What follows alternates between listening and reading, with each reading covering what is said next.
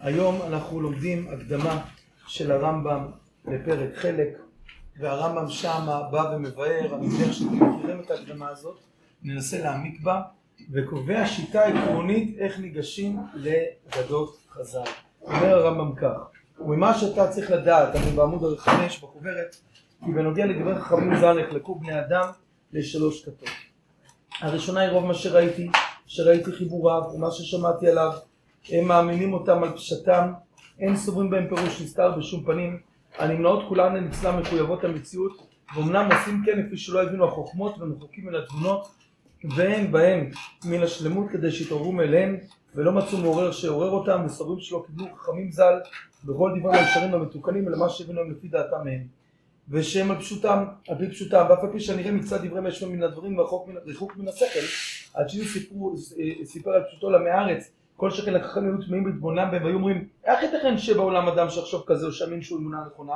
קו וחומר שיטה בעיניו וזו הכת עניית הדעת יש להצטער עליהם לסכלותם לפי שהמכבדים ומנסים החכמים לפי דעתם ומשפילים אותם בתכלית השפלות והם אינם מבינים זה. וכי השם יתברך ככת אשר עבדים עד התורה ומאפלים זערה ומשים תורת השם הפך מכוון בה. לפי שהשם והחמה בתורה מאשר ישמעו את כל החוקים האלה ואמרו הקם חכם ונבון הגוי הגדול הזה. הכת הזאת מספרים פשטי דברי חכמים ז"ל כששומעים אותם שאר אומות אומרים רק המסכה ונבל הגוי הקטן הזה. רוב מה שעושים אלה הדרשנים שמפרשים מודיעים אל המון העם ממה שהם יודעים. ומי ייתן אחר שלא ידעו ולא הבינו והיו שותקים כמו שאמר מי ייתן שתרחש לך ראשון והייתי לכם לחוכמה. או שאומרים איננו מבינים כוונת החכמים בזה המאמר ולא היה להתפרש אבל הם מחשבים שהם מבינים אותו ומשתדלים להביא לפרש לעם השיבים לעצמם לפי דעתם החלושה ולא מה שאמרו חכמים ודורשים ראשם דרשות מסכת ברכות חלק מזולתם ופשטן מילה במילה. הכת הראשונה הכת הראשונה זה אלה שבאים לאגדות חז"ל ותופסים את הכל כפשטו. יש להם אמונת חכמים, אבל הם תופסים את הדברים שהכוונה היא כמו שכתוב בפשט.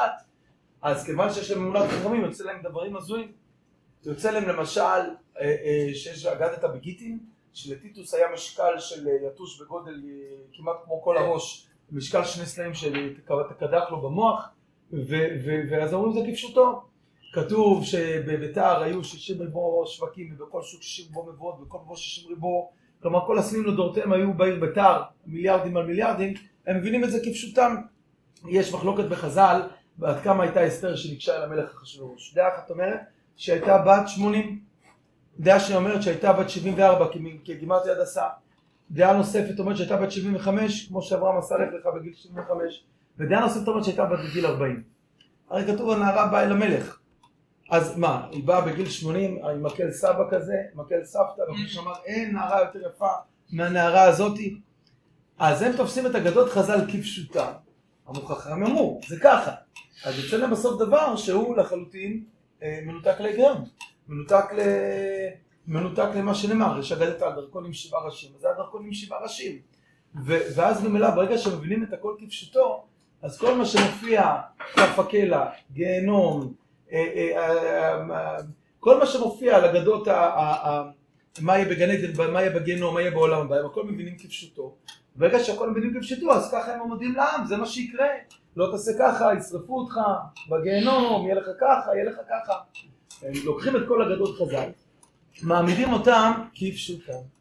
אומר הרמב"ם, הכת הזאתי, הוא, הוא, הוא, הוא משבח אותה, הוא מגנה אותה, הוא נכנס בה, הרמב"ם ממש בביטויים חריפים, עניית הדעת, להצטער עליהם לסכלותם, הוא, הוא עד כדי כך אומר, חיי השם יתברך, מאבדים דעת התורה, מפעילים זערה, עושים הפך התורה, הופכים את התורה לקטנה, לחשוכה, וזה שמסבירים את כל עולם ההגדה בצורה שהיא רק כפשוטה, הנוגדת את ההיגיון.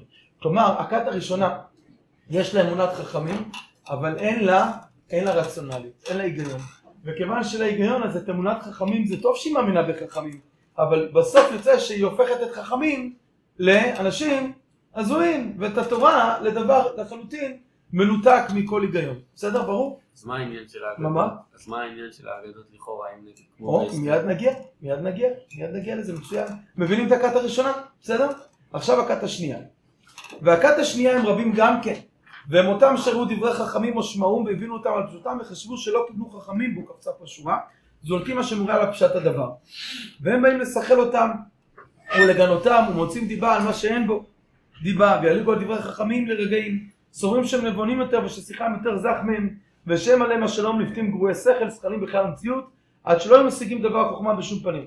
ורוב הנכשלים בזה השיבוש המתייחסים לחוכמת הרפואה מובילים בגזרת כוכבים, לפי שהם במשכתם נבונים וחכמים ביניהם, ומחודדים ופילוסופים, כמה מחוקים מהאנושות אצל אותם שחכמים ופילוסופים על האמת, אבל הם זכלים יותר מן הכת הראשונה והרבה מפתיות, והיא כת ארורה, אנחנו בעמוד 6, לפי שהם משיבים על אנשים גדולים ונשיאים אשר נתברך חוכמתם לחכמים, ואלה הפתאים לא יהיו המילים החוכמות אשר יודעים איך ראוי לסדר את הדברים, והחוכמות האלו זה דומה להם בין הדברים, אצל המון ואצל החכמים. והבינו החלק המעשי מן הפילוסופיה, אז הם מבינים אם חכמים- אם חכמים זה חכמים או לא, גם מתברר להם עניין דבריהם. הכת השנייה, היא באה ובעצם הפוך. היא אומרת, תראה את אגדות חז"ל, תראה את כל האגדות שהזכרנו ועוד הרבה אגדות אחרות. אה, למשל כתוב שהקדוש ברוך הוא מניח תפילין. כתוב שהקדוש ברוך הוא מתפלל, אה, אם זה מניח תפילין ומתפלל, אז הוא גשמי, אם הוא גשמי, אז, אז אפשר לתת לו כאפה, אז אין אלוהים. ואז במילא, עכשיו מה? אז, אז ברגע שהם מבינים את הכל כפשוטם, הם באים ובעצם אה, אה, אה, בזים לתורה. כלומר, הם מעצימים את הרציונליות על פני אמונת חכמים. ההיגיון שלנו יותר גבוה מכל מה שכתוב פה, תראה איזה דברים הזויים ולא הגיוניים, וכיוון שההיגיון יותר חזק מאמונת חכמים בכת הזאת, אז הם דוחים על דברי חז"ל. יוצא שמה ההבדל העקרוני בין שתי הכתות הראשונות? הכת הראשונה יש לה אמונת חכמים, אין לה רציונליות, ולכת השנייה יש רציונליות ואין אמונת חכמים. על מה שתי הכתות מסכימות לגמרי? מה אין מחלוקת בין הכתות? הכל זה כפשוטו. ובזה שתיהן טועות. איזה כת יותר גרועה? הרמב"ם אומר מפורש. הרמב"ם אומר מפורש שהכת השנייה, הראשונה הייתה שכלה, הייתה פתיה, הפכה את התורה לדבר קטן. הכת הזאת הרמב"ם מוסיף לה מילה קשה מאוד, מילה ארורה, כי הם בעצם מבזים את חכמים, חושבים שהם חכמים בפני דעתם, אפילו לא פתוחים להבין כמה הם טועים. יש להם מקובעות נורא גדולה. ארור זה ביטוי לעבדות, כן? ארור כנען עבד עבדים יהיה לאחיו. יש פה איזו עבדות כזאת שאי אפשר לצאת מהקיבעון שלהם כי חכמים, אלה- הם אפילו לא מקשיבים לך חכמים. הכת הראשונה מקשיבה לחכמים, אולי מישהו יפתח להם את השכל להבין שיש פה משהו עמוק יותר. הכת השנייה בכלל לא פתוחה להקשיב לחכמים. יש בה קיבעון, יש בה עבדות, יש בצד של כת ארורה. ועכשיו לגבי שאלתך נדב, אנחנו מגיעים לכת השלישית, ואחרי שנקרא את הפשט, נתחיל להעמיק יותר בדברים. הכת השלישית ערכי השם מעטים עד מאוד, עד שאין ראוי לקרותם כת, אלא כמו שאומר לשם השמין, ורק היא יחידה. בזמן הרמב"ם כמה שמשות ידעו שיש עליהם בעולם? היום יש הרבה מערכות גלקסיה. כמה שמשות יש בגל? היום ידעו, שיש, ידעו בזמן הרמב"ם שיש כמה? אחת. כלומר הרמב"ם, בכת השלישית, כמה אנשים יש בה? אחד. אומר הרמב"ם אני. בודדים. בודדים בקיצור. כלומר, במילים אחרות זה לא עובר את אחוז החסימה, בסדר? נו, אז הרמב"ם זה לא עובר את אחוז החסימה, מה אתה רוצה? אז, אז מראש תפשוט את הרגל, תגיד זה לא רלוונטי. תראו מה אומר לנו הרמב"ם. אומר הרמב"ם, והם אותם בני אדם שנתבררה אצלם גדולת חכמים ז"ל, וטוב שכלם, ממה שנמצא בכלל דברי מורים עליינים אמיתים ללמוד. ואף על פי שמעטים מפוזרים במקומות וחיבורים, והם מורים על שלמותם, וכי הם השיגו אמת שהתברר גם כלצם מניעת- מניעות הנמנע, כלומר משהו לא הגיוני, ומצאו את המחויב, מה שמוכרח להימצא. וידעו כי הם עליהם השלום אינם מדברים מדברים התולים. זה הם לא אמרו את זה מספק. ונתעמת אצלם שדבריהם יש להם נגלה ונסתר, וכי הם בכל מה שהם אומרים על הדברים עניים דיברו בהם בדרך חידה ומשל. כי זהו דרך החכמים הגדולים. ולפיכך פת- פתח ספרו גדול החכמים, שלמה המלך, להביא באשר המליצה, דברי חכמים בחידותם. וידוע אצל בעלי הלשון כי חידה הוא הדבר שמכוון בו, אבל נסתר לא ונגלה ממנו, כמו שאמר אחודה לכן חידה. דברי חכמים כולם הדברים עליונים של תכלית. אמנם הם חידה מוחש משל, רגע נעצור כאן, ונגיד מה מסביר את זה פה, כי קטע קצת ארוך. אומר הרמב"ם, הכת השלישית, עוד מעט נדבר למה הם כל כך מעט, אבל הכת, ומה לומדים מזה, אבל הכת השלישית, מבינים שמה שיש פה זה משל ונמשל, יש פה קודים. יש פה שם קוד, יש פה קודים, יש פה מהויות. יש פה כל מספר באגדתא, יש תורת המספרים לחז"ל. כל מספר יש לו מהות. יש ביטויים מסוימים, יש יסודות מסוימים, יש מבנים מסוימים, יש קודים. וזה מה שנלמד קצת מהחוברת, את חלק קטן מהקודים האלה. וככל שאתה יותר מודע לח- למשל ולמשל אתה מבין איך חז"ל באו להכניס אותך למבט עמוק, פנימי, והם רק רמזו לך דברים. אז אתה מבין את הדברים מתוך הקושיות, אתה נכנס להבין את עומק דבריהם. מיד אז נעמיק את זה יותר. ממשיך המהר"ל ואומר. וכמו שנאמר אחוד עליכם חידה וכולי וכולי. ואיך להאשים על מה שחברים בחוכמה דרך משל שורה 12 ומדמים אותם בדברים הפחותים מהמונים. אנו רואים אחר מכל אדם עשה את זה ברוך הקודש, כלומר שלמה במשלי ושיר השירים מקצת קהלת, הכל משל. איך יקשה עלינו לסבור פירוש על דבריהם ולוצאים פשטם כדי לשעות השכל ולהסכים האמת עם כתבי הקודש. ואז אסורים פסוקי המקרא, מוצאים אותם פשטם, עושים אותם משל, והוא אמת. כמו שהם רוצים שהוא פסוק, הוא הכה את שני הראל מואב, שהוא כולו משל, וכן ירד והכה את הארי בתוך הבור, ומי יש כן מים בור בית לחם. שאר הסיפור כולו משל. בספר רבי חלום הוא קצת המשל היה, ולא פשוט דבר הוא שם זה המשל.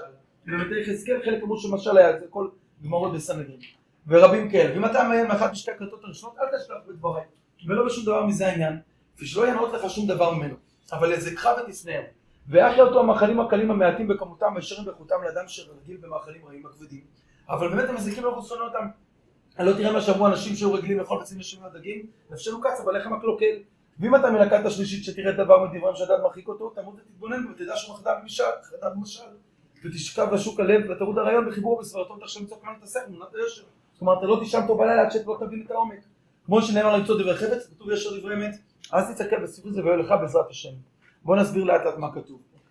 אומר הרמב"ם, הכת השלישית מבינה שחז"ל דיברו, יש ביטוי אחר בתפוחי זהב במשכיות כסף. תחשבו על תיבה, כולה כסף, מצינוריות של כסף, אבל כשאתה מסתכל בין הצינוריות, אתה רואה שבפנים יש זהב, תפוחי זהב. חז"ל כתבו דברים בקודים, שהאגדת צריך לדעת, ופה אני מוסיף משפט. העולם של התורה מחולק לפרדס. מה זה פרדס? פשט רמז דרש וסוד. בסוף החוברת, וזו אולי הערכה הכי עמוקה פה, אם, אם נזכה להגיע, נלמד מה זה אומר כל חלק, ואיך זה שכבות שונות של מבט על התורה. זה דבר מדהים שמגיעים למקום שאפשר לראות בכל דבר בתורה, או בדברים, אפשר בכל דבר, בהרבה דברים, לראות את היחס בין הפשט לדרש למץ בסוף. זה עולם של שכבות שונות של המציאות, לא להיכנס אליו עדיין ברזולוציה שלנו. אבל צריך לדעת שהמהר"ל מפראג שחי לפני כחמש מאות שנה, שהוא די החביא עדיין, כי תורת הפעילות עוד לא נפתחה, אני תמיד נוהג לומר שהמהר"ל גילה טפח וכיסה אלפיים ממש, זה היחס. הוא ממש גילה קצת. וכשאתם תמצאו במהר"ל דרש, הכוונה היא לדרש רמז וסוד. המהר"ל עוד לא מחלק ברזולוציות, לא זוכר במהר"ל בשום מקום חלוקה לדרש רמז וסוד. אלא הוא מדבר, כלומר, ולכן למה אני אומר את זה? כי כשאנחנו מדברים על עולם ההגדה יש פה שכבות שונות. יש אגדתות מאוד קרובות לפשט, מילה הן לא נוגדות לפשט, יכול להיות שהן היו כפשוטם. ויש אגדתות כמו אגדתות רבא ברבחנה, למי שמכיר במסכת בבא בתרא, שאין מצב להבין שם, אין מצב להבין שם שיש פשט, ברור מראש שזה קוד. ויש כל מיני אגדתות שתלוי ברמת המרחק שלהם מהפשט לבין הדרש. ואנחנו נעסוק בזה כבר ביחידה הבאה ונלמד מה אומר המרחק בין הפשט לבין הדרש, הוא עצמו חלק מגילוי התורה, לא נסביר כרגע, נסביר בפעם הבאה. מכל מקום שאנחנו מדברים על דרש, כרגע על אגדה, זה כל עולם הדרש רמז וסוד. אנחנו כרגע לא נכנסים עדיין לרזולוציה של מה ההבדלים בין השכבות הללו, זה בהמשך. אומר הרמב"ם, הכת השלישית מבינה שיש פה משל ונמשל. ממילא הכת השלישית לוקחת את 100% של הרציונליות, 100% של ההיגיון, ומה היא עושה איתו? היא נעזרת בו לאמונת חכמים. ואיך? כי היא אומרת ככה, הכל אני אקשה, כי יש פה עומק. לפניי עומדים אנשים גדולי עולם, שקיבלו שכל של תורה, הם שכל דה רבנן, ממילא הם רומזים לי. עכשיו דווקא הדברים המוזרים באגדתא הם הפתחים, הם בעצם הסולמות שלי. הם בעצם, ולכן הפוך, אני אדקדק כל דקדוק בבחינת במקום בו נוגעת האמונה, כל קריאושי במדרש הוא פתח לנשמת המדרש, והפוך, אין שום עיגול פינות, הכל דקדוק דקדוק חד קטר במקום הכי הכי של השכל הביקורתי, אבל ביקורתי שכולו אמונת חכמים במובן שזה הכל מקפצות בפתחים איך להבין מה חז"ל אומרים. לכן מי שלומד מהכת השלישית הוא יותר יקשה מהכת השנייה על חז"ל. כי הכת השנייה מראש לא סופרים אותם, אז מראש הם פוסלים. הפוך הוא ידקדק, או כל דקדוק שאפשרי, אבל כל הקושיות שלו זה ממקום של יראת כבוד. אני עומד מול גדולי עולם, ולכן כל מילה פה אני צריך לשים לב מה הם רמזו לי. מה הם רמזו לי? כמו קריצת עין, כמו שמישהו מדבר איתך ועושה משהו בפנים שאתה תבין כי אתה מבין אותו, ככה בתוך המדרש. מה חז"ל רמזו לך פה? מה הנקודה שנמצאת? מבינים? בסדר? לכן יוצא שהכת השלישית משתמשת במאה אחוז של אמונת חכמים ובמאה אחוז של אה, רציונליות. והיא ממילא עולה דרך זה שהשכל האנושי שלה הוא המפתח לעלות למדרגה של שכל של חכמים שנסמכים על שכל של התורה הקדושה, כלומר המדרגה הרוחנית של התורה, ואז אתה מקבל עיניים של תורה, מבט של תורה על כל המציאות. זאת הגישה העקרונית שהתווה הרמב"ם איך ניגשים לאגדות חז"ל. בסדר? אני רוצה רגע להעמיק את זה. קודם כל לפני שנעמיק את זה בואו נחזור חזרה לדוגמאות שלנו. למשל דוגמה, חז"ל אמרו ארבע דעות כמה, בת כמה הייתה אסתר שניגשה אל המלך. האם הייתה בת 80? האם הייתה בת 75 כמו אברהם שעשה לך לך בגיל 75? האם הייתה בת 74 כמניין שמה? או האם הדסה בכמעט 94? או האם הייתה בת 40? זה ודאי לא הפשט, נכון? זה לא מתחיל להיות הפשט, כתוב מפורש שהייתה נערה, נכון? אז מה חז"ל רצו להגיד פה? בהכת הראשונה יגידו, היא הייתה בת 80. הכת השנייה יגידו, חז"ל מקשקשים במוח, יש להם אג'נדות, לא יודע מה הם רצו לעשות. מה יבוא הכת השלישית, מה היא תגיד? נו? חוכמה. שמה? מה זאת אומרת? שהייתה. יש את... אה, אומרים את זה בליל הסדר. הרי אני כבן 70 הרי אני כבן 70 שנה. לא באמת בן 70 שנה, אלא חוכמה ומבט ורעות בדרך חיים. או, 70 יפה. מאוד מה שאתה פותח. כלומר יש לנו פה ארבע דעות שזה 40, יש לנו את הדעה של 80, יש לנו דעה של 75 בגלל הלך לך של אברהם, ויש לנו את הדעה של 74 שזה הגימטריה של שמע, נכון? מה הסיבה שיש 40 ו-80? מה מה? מה הסיבה מה הסיבה של 40 ו-80? או, אז עכשיו אני שואל, לא כבר פתח כיוון. כלומר זה לא שהייתה באמת בת 40, היא הייתה נערה. אבל, מה חז"ל רצו להגיד? מאיזה כוח, כך מסביר המהר"ל, מאיזה כוח היא הגיעה אל המלך? נו, מה זה כוח? ממילא אנחנו צריכים להבין מה אומר הקוד 40, מה אומר הקוד 80, אחרי זה נגיע הנה. איך אני אדע מה אומר הקוד 40, מה אומר הקוד 80? אמרנו מרש"י, כאילו גימטריה זה לא תשובה מספקת. או רגע, בוא נראה, בוא נתחיל מפה, כי פה יש כבר נימוק מקומי, נכון? פה יש רק מספר, תכף נגיע הנה. בוא, מאיפה, איך אני אדע מה זה קוד 40, מה זה קוד 80? איפה זה מוזכר בכלל? אה, אני צריך לחפש מקורות בחז"ל על זה, אתם מכירים מקור שמדבר על גילאים? כן. מה? ב-40 שנה בקחתות יעקב. זה פסוקים, אבל יש לנו, מקור- נכון, נכון, בפסוקים זה ודאי מעל הכל, אבל יש לנו מקור שמנסח מה המהות של כל גיל? בין 80 לגבורות. אה, תודה רבה, בין 80 לגבורות ובין 40 ל... לבינה. זאת אומרת, מאיזה מדרגה אסתר ניגשה אל החשבוש? הייתה נערה, אבל מה היה הכוח שלה לפעול? האם מצד מדרגה של בין 40 לבינה? האם מצד שהיה לה מבט כמו של, ז- של זקן, של גבורות, שיש מבט של פרספקטיבה? האם הכוח שלה היה מהכוח של המוכנות למסירות נפש כמו אברהם, ללכת למדבר? בסדר? או, עד כאן ברור? או, מה המשמעות של גימטה של שמע? צביקה ענה. זו אולי התשובה הכי ברורה מכולם. למה? מה זה בא להגיד? מכוח מה היא באה? מכוח העצמיות שלה. כלומר היא הייתה, היא הייתה, הגיעה כאילו למהות שמה. כלומר היא הייתה סגורה על מי ומה, הזהות שלה הייתה ברורה. לכן יכול להיות שהייתה בת לא יודע, 17, 18, אבל מאיזה כוח היא עמדה מול כל הסחף הזה? כי הייתה סגורה על השם שלה, היא הייתה כאילו מדרגת שמה, מכוח המסירות נפש ללכת בשביל עם ישראל, לך לך, מכוח מבט של פרספקטיבה שעבר, מכוח הבינה. בסדר? חז"ל פה באו להגיד לך עכשיו, זה לא נחמד, וורטים. כשאתה רוצה ללמוד מאסתר, אתה צריך להבין מה היה הכוח של אסתר. איזה מבט צריך לגשת אל הדברים, איזה נקודה צריכים לחזק לקראת ההגעה של הדברים. וממילא זה מקבל משמעות אחרת לגמרי, מבינים? בסדר? כן. גבורות, זה מופיע בכמה מקורות שונים, שבאמת אחת הסיבות היו להחביא את זה מהעם כי העם עוד לא היה בשל. אנשים היו נדברים בדף בחלקם, בעולם בטח, בעם ישראל פחות, ידעו קרוא וכתוב, אבל קודם כל היו הרבה דברים עמוקים שהיה צריך להחביא. והדרך למסור את זה הייתה בקודים, הרי הדברים עברו בעל פה, אחרי זה שלא ישתכח, אז את הנגילה כתבו יותר מפורש ואת הנסתר שמרו בקודים. היה צריך בשלות מסוימת כדי שיהיה אפשר בכלל להגיע אליה. ודבר שני, זה שוב, זה דברים שלא כל כך קל להוציא אותם ולכתוב. אם תכתוב זה ייקח מעשית המון המון המון ספרים, מכיוון שכל אגדת האחת, לפעמים צריך הרבה מאוד דברים לפתוח אותה. ולכן אמרו את זה בקיצור, אבל הסיבות הללו שגם במהות זה חסום וגם שמעשית צריך זמן זה אחת הסיבות שעולם ההלכה מאוד מאוד עסקו בו רבים. את הרעיון שלא לא מזלזלים בדברי חז"ל בגלל שיש עומק. כאילו העניין שאנשים אפילו יודעים שיש עומק, כאילו איך דבר כזה יכול להתייחס בתורו?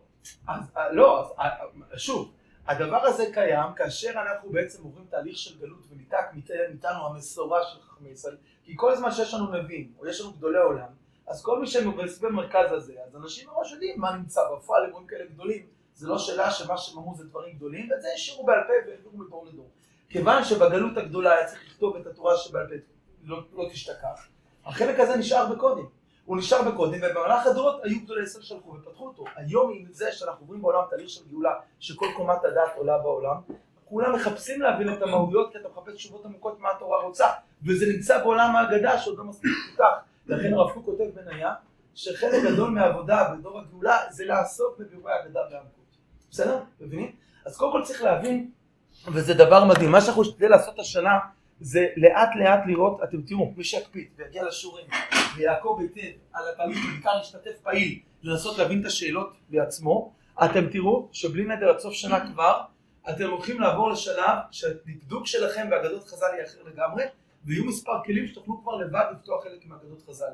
ומה שהתרגשתי לפני שנתיים מהקבוצה של חבר'ה שממש אה, בשיעור ב', ממש כבר אה, לקחו מעצמם אגדות ופענחו אותם באופן עמוק ורציני במבט מהר"לי, וזה היה פשוט תענוג לראות את זה. אני מקווה שלשם נגיע. עכשיו בואו נעמיק, זה לא שצריך, יש יש פה באמת שני דברים, טוב שאתה שואל. יש לדעת ידיעה כללית, שחז"ל זה קודש קודשים, זה בן אדם נכנס לגעת, לא נכנס לגעת.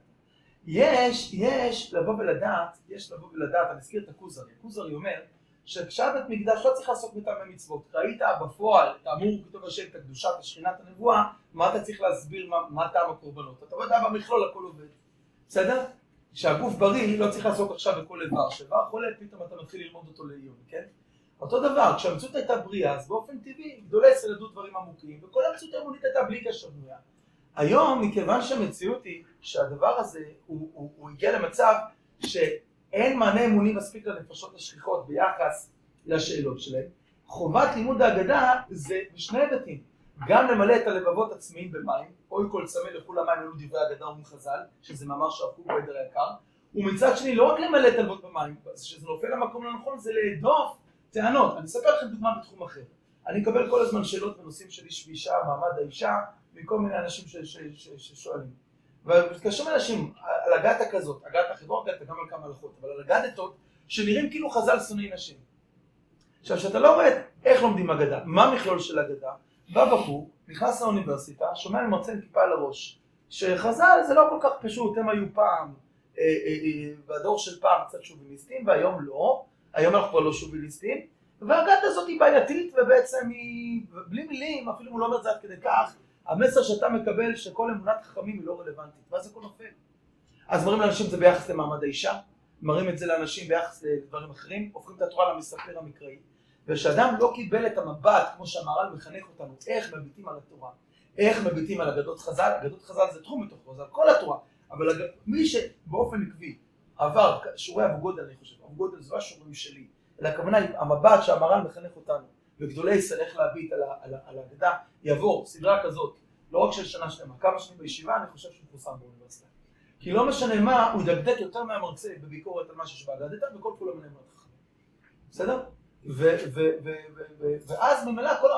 אז זה גם כאילו לכתחילה להרוות את העם במים, וגם לסתום את כל הדברים האחרים שאתה מקבל. אם תארך אבותינו מה שנקרא, אולי בסוף שנה לכם אגדתה שנראית כביכול זוועה ביחס למעמד האישה, ותראו איך שאתה צולל לתוך אגדתה, המבט, המבט הוא בא להגיד משהו אחר לגמרי. אם אדם לא לומד, שוב זה רק תחום אחד, לא לומד לראות את הדברים ככה, אחרי זה מרגיש מה קורה פה, ואז הוא הופך להיות סוג של כת השנייה. מבינים? אני, חייב לספר עוד סיפור, אז חייב לחדד את זה, חייב, זו נקודה חשובה חינוכית, כן. יצא לי פעם לדבר עם איזשהו אה, יהודי ירא שמיים, עליו השלום, באמת איש חסד, איש חסד, ויהודי שככה היה בין העולם החרדי לעולם הדתי-לאומי, כלומר, אה, אה, אני אומר את זה להקשר כי זה חשוב, ולמרות זאת, פעם נסע איתי בנסיעה, שוב, הוא איש יקר מאוד, ברוך מאוד, אבל בקיצור, הוא אמר, הוא אמר לי, תשמע, דוד המלך זה דמות בעייתית, אה, אה, יהודי הוא כיפה שחורה, ויהודי הוא חי ביישוב דתי לאומי, איש חסד, איש טוב, איש אוהב תורה, שלא תבינו לא נכון. אבל תשמע, דוד המלך היה דמות בעייתית, עם נשים, ולא פשוט, ותשמע, הוא קצת מזכיר לי את משה דיין, גם גיבור צבאי, אבל אה, אמרתי, אני חייב למחות, אני חייב, זה, מה, איך אני עונה? הוא מבוגר ממני הרבה יותר שנים, איך אני עונה? אמרתי לו, אני אעשה לו תרגיל.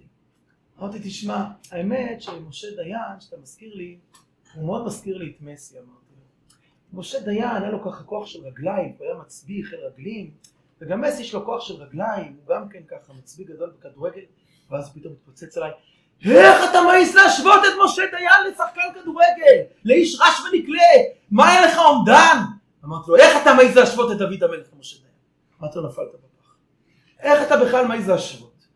איך אפשר בכלל? כמה שתאריך את משה דיין תעלה עוד שלוש דקות, ואז תשים 200 אלף דרגות מעל. איך אתה בכלל יכול להשוות את דוד המלך?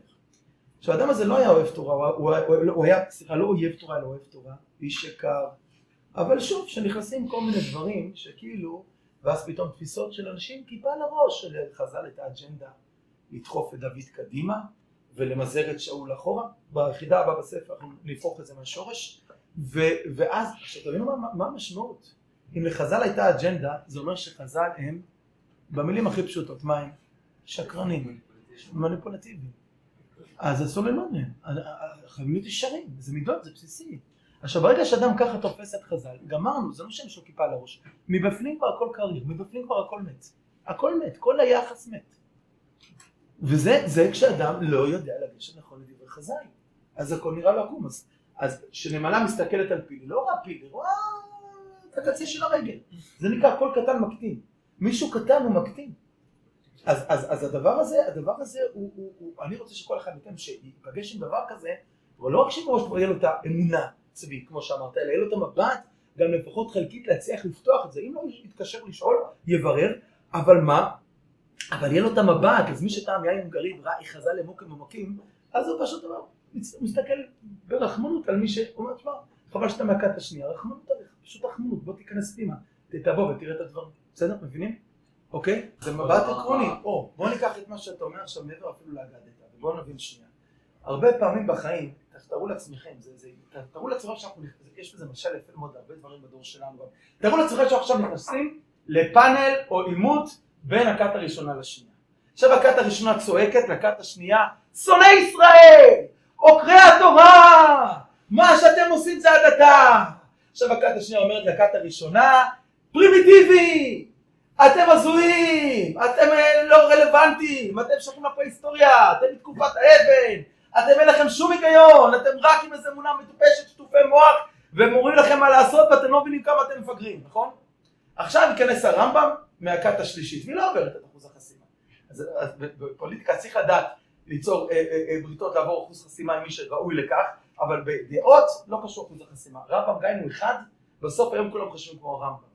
הוא לא אחד, הוא כמה גדולי ישראל ככה, אבל בסוף מה שאמיתי מנצח, הוא לא נמדד במנדטים. אז עכשיו שימו לב, באה הכת השלישית, באה הכת השלישית, ומה שעושה הכת השלישית עכשיו, היא באה ואומרת, עכשיו הרמב"ם נכנס לפאנל הזה. אוקיי, שואלת אותו הכת הראשונה, הרמב"ם, הרמב"ם, מה אתה אומר על הכת השנייה? הם לא עוכרי ישראל? מה יגיד הרמב"ם? מה יגיד הרמב"ם? הכת השנייה אומרת לו, הרמב"ם, אתה רציונליסט, אתה מורה נבוכים, אתה פילוסוף, מה אתה אומר על הכת הראשונה? הם לא מפגרים? עכשיו הרמב"ם בעצם, הוא במחלוקת על מי? על מי משתי הכתות? על שתיהם. הרמב"ם אומר להם, אתם טיפשים ואתם גם ארורים. שניכם מפגרים ביחד. בסדר? כל אחד מכם יש נקודה טובה בצד שלו, אבל שניכם מפספסים. ואם הייתם מרכיבים את הנקודות הטובות יחד וזורקים את הקליפה, אז אתם בזכות ה... תראו, זה ממש דוגמה לאמת והשלום. היו אה, אנשי אמונת חכמים בזכות ההיגיון מגיעים אל האמת, כלומר הם היו עושים שלום לנקודה האמיתית של הרציונליסטים, הם היו מגיעים אל חז"ל, והפוך, אם היו עושים שלום לנקודה האמיתית של אמונת חכמים, הם היו גם עולים לחז"ל. אבל כיוון שכל אחד במריבה בלי להקשיב וכל אחד בטוח שהשני עוכר ישראל וכולי, בסוף שניהם טועים, שניהם טועים, שניהם מפספסים. לא אלה הגיעו לאמת ולא אלה הגיעו לאמת. עכשיו יגיד הרמב"ם, רגע תקשיבו, אנחנו צריכים גם אמונת חכמים וגם רציונליות, מה יגידו לו מיד? פשרן, גם גמן, הולך אה, ותומך בזה, ואתה לא מדבר ברור, ואתה עכשיו לא אומר דברים נכונים, ולמה אתה לא מסוגל לעמוד, ומה אתה מפחד, ואתה קריר, ואתה פשרן, ואתה רפורמי, ואתה לא יודע מה, מכיוון שאתה עכשיו לא מסוגל להגיד עמדה ברורה נגד עוכרי ישראל. אומר הרמב"ם, אתה רוצה לדבר חריף? אין בעיה, טיפשים וארורים. אבל אומר הרמב"ם זה הרבה יותר עמוק, הרבה יותר עמוק מכיוון שבסוף, בסוף האמונת חכמים וההיגיון, שניהם יוצאים ממקור אחד מהקדוש ברוך הוא. ושניהם נועדו להביא אותנו למקור אחד, זה לא מקורות שונים. והם צריכים דרך זה להגיע אל המקום שהוא, ההיגיון מביא אותנו לשכל היותר גדול מההיגיון, וזה אמונת חכמים. כן. אני לא הבנתי את העניין עם המעטים. איפה הוא, למה הוא אומר את זה. כי בזמן הרמב"ם היו רבים גם מהרבנים שחשבו שהאגדות הן כפשוטם. בסדר? אוקיי? הרמב"ם כותב בהלכות תשובה בפרק ה', אומר הרמב"ם שם, סליחה, לפני פרק ה', אומר הרמב"ם שכל מי שאומר שלקדוש ברוך הוא יש גוף, הוא מין, הוא כופר.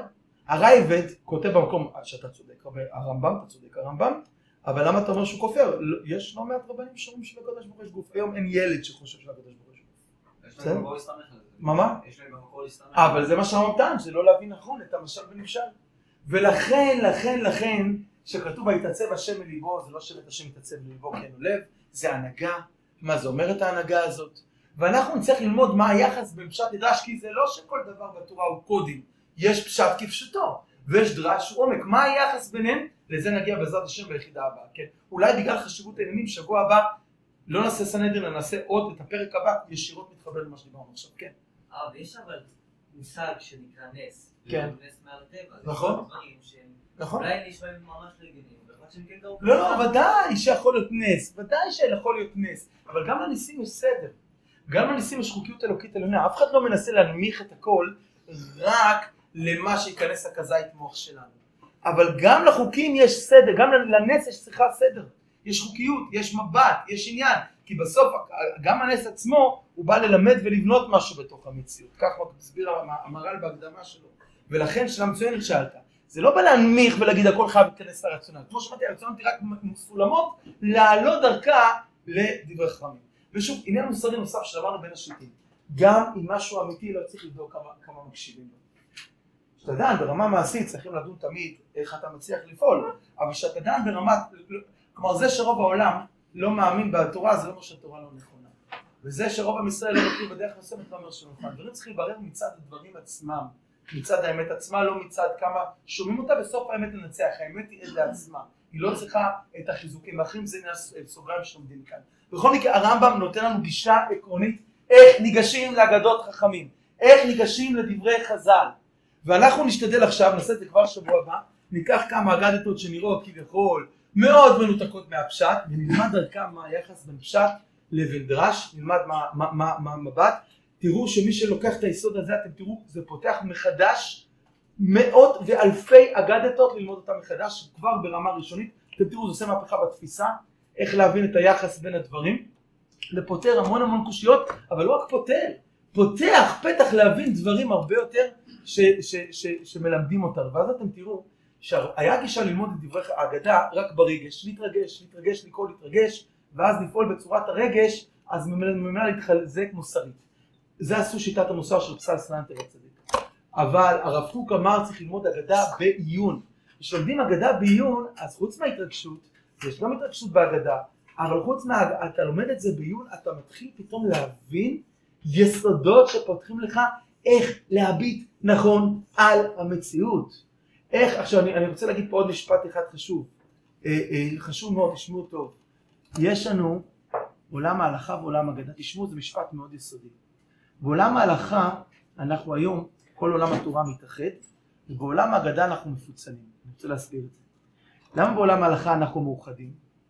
כי אתה, אני אתן לכם רק דוגמה, בסדר? אתן לכם רק דוגמה. ראיתי פעם חוברת לפני הרבה שנים של איזשהו רב אה, חרדי, והחוברת הייתה הלכה והשקפה, ככה הם קוראים יותר לאמונה. בהלכה אתה רואה את הערות שוליים, אתם יודעים כל חוברת שאתה קורא צריך לבדוק איזה הערות שוליים זה המדד הראשון נתיב החוברת. אתה רואה מה, מאיפה הוא ניזון. אתה רואה את הערות שוליים בחצי הראשון ההלכתי ואתה אומר וואו, תלמיד חכם גדול. היו שם לפחות 30 נושאי כלים על הטור שולחן ערוך. היו שם. אתה רואה שהבן אדם למד מגן אברהם ולמד תז, אתה רואה שהבן אדם למד משנה ברורה, אתה רואה שהבן אדם, אתה רואה בן אדם למד 30 נושאי כלים. כלומר, עולם ההלכה יש שולחן ערוך, ומה? יש את כל הדעות כולם מהגמרא עד הלכה למעשה, ואז זה שכב, ואז גם אם אתה תפסוק ככה, והוא יפסוק אחרת, אבל כיוון שכולם הביאו את כל הדעות, וזה בתוך הרשת של הפוסקים, אז אפילו אם יש מחלוקת, בסופו של דבר יש אחדות. למה? כי בסופו של דבר זה משא ומתן בין תלמידי חכמים על משהו אחדותי. מוסכם עד כאן, ברור? בסדר? כשהוא עבר לחלק של ההשקפה, לא הייתה אף הערת שוליים, גם לא היה מקורות, היה את המסע, הדרשה שלו, למה כל מה שבחוץ הוא שחור משחור. איפה הערות שוליים? איפה המקורות? עכשיו תראו מה קורה לנו הרבה פעמים בעולם ההגדה. אם אתה ברסלבר, אז המקור שלך זה רבי נחמן, זכותה וגנו עלינו אמן. אם אתה חב"דיק, המקור שלך זה התניא, עד הרבי מלובביץ' זכויותיהם יגנו עלינו אמן. אם אתה קוקניק, מקורותיך זה הרב קוק זכותה וגנו עלינו אמן. ואם אתה ליטאי, אז המקורות שלך זה נפש החיים זכותה וגנו עלינו אמן. אתה מתחיל מהאחרונים. כשאתה מתחיל מהאחרונים, האחרונים האחרונים גדולי עולם, גדולי גדולי גדולי גדולי עולם. אבל כשאתה מתחיל מהאחרונים, אי אפשר להתאחד. מכיוון שאתה לא רואה איך הכל יוצא באמת מחז"ל. עכשיו, אתה לא רואה איך זה יוצא מחז"ל. עכשיו, ברגע שאתה לא רואה איך זה יוצא מחז"ל, ואתה לא מקבל את המבט, אז אתה מרגיש כאילו שכבר בשבילים בכרם, בערוגות בכרם זה, זה בכלל לא קשור, אז אתה כבר לא מזהה את זה כערוגה בכרם, אתה מזהה את זה ככרם אחר. אז מתחיל להיות דוץ, מתחיל להיות מלחמה מאוד מאוד נוקשה. עכשיו אם לומדים את עולם ההגדה שהוא הפתח לכל עולם האמונה, אתה מתחיל לראות את כל המקורות מהמקור שלהם. אתה מתחיל לראות את כל המקורות מהמקור שלהם. פעם למדנו בישיבה בזמן אלול, חודש שלם את סוגיית הפחד. חודש שלם, זה אגב פרשת השבוע על הפחד. שמענו יותר מחודש, סוגיית הפחד.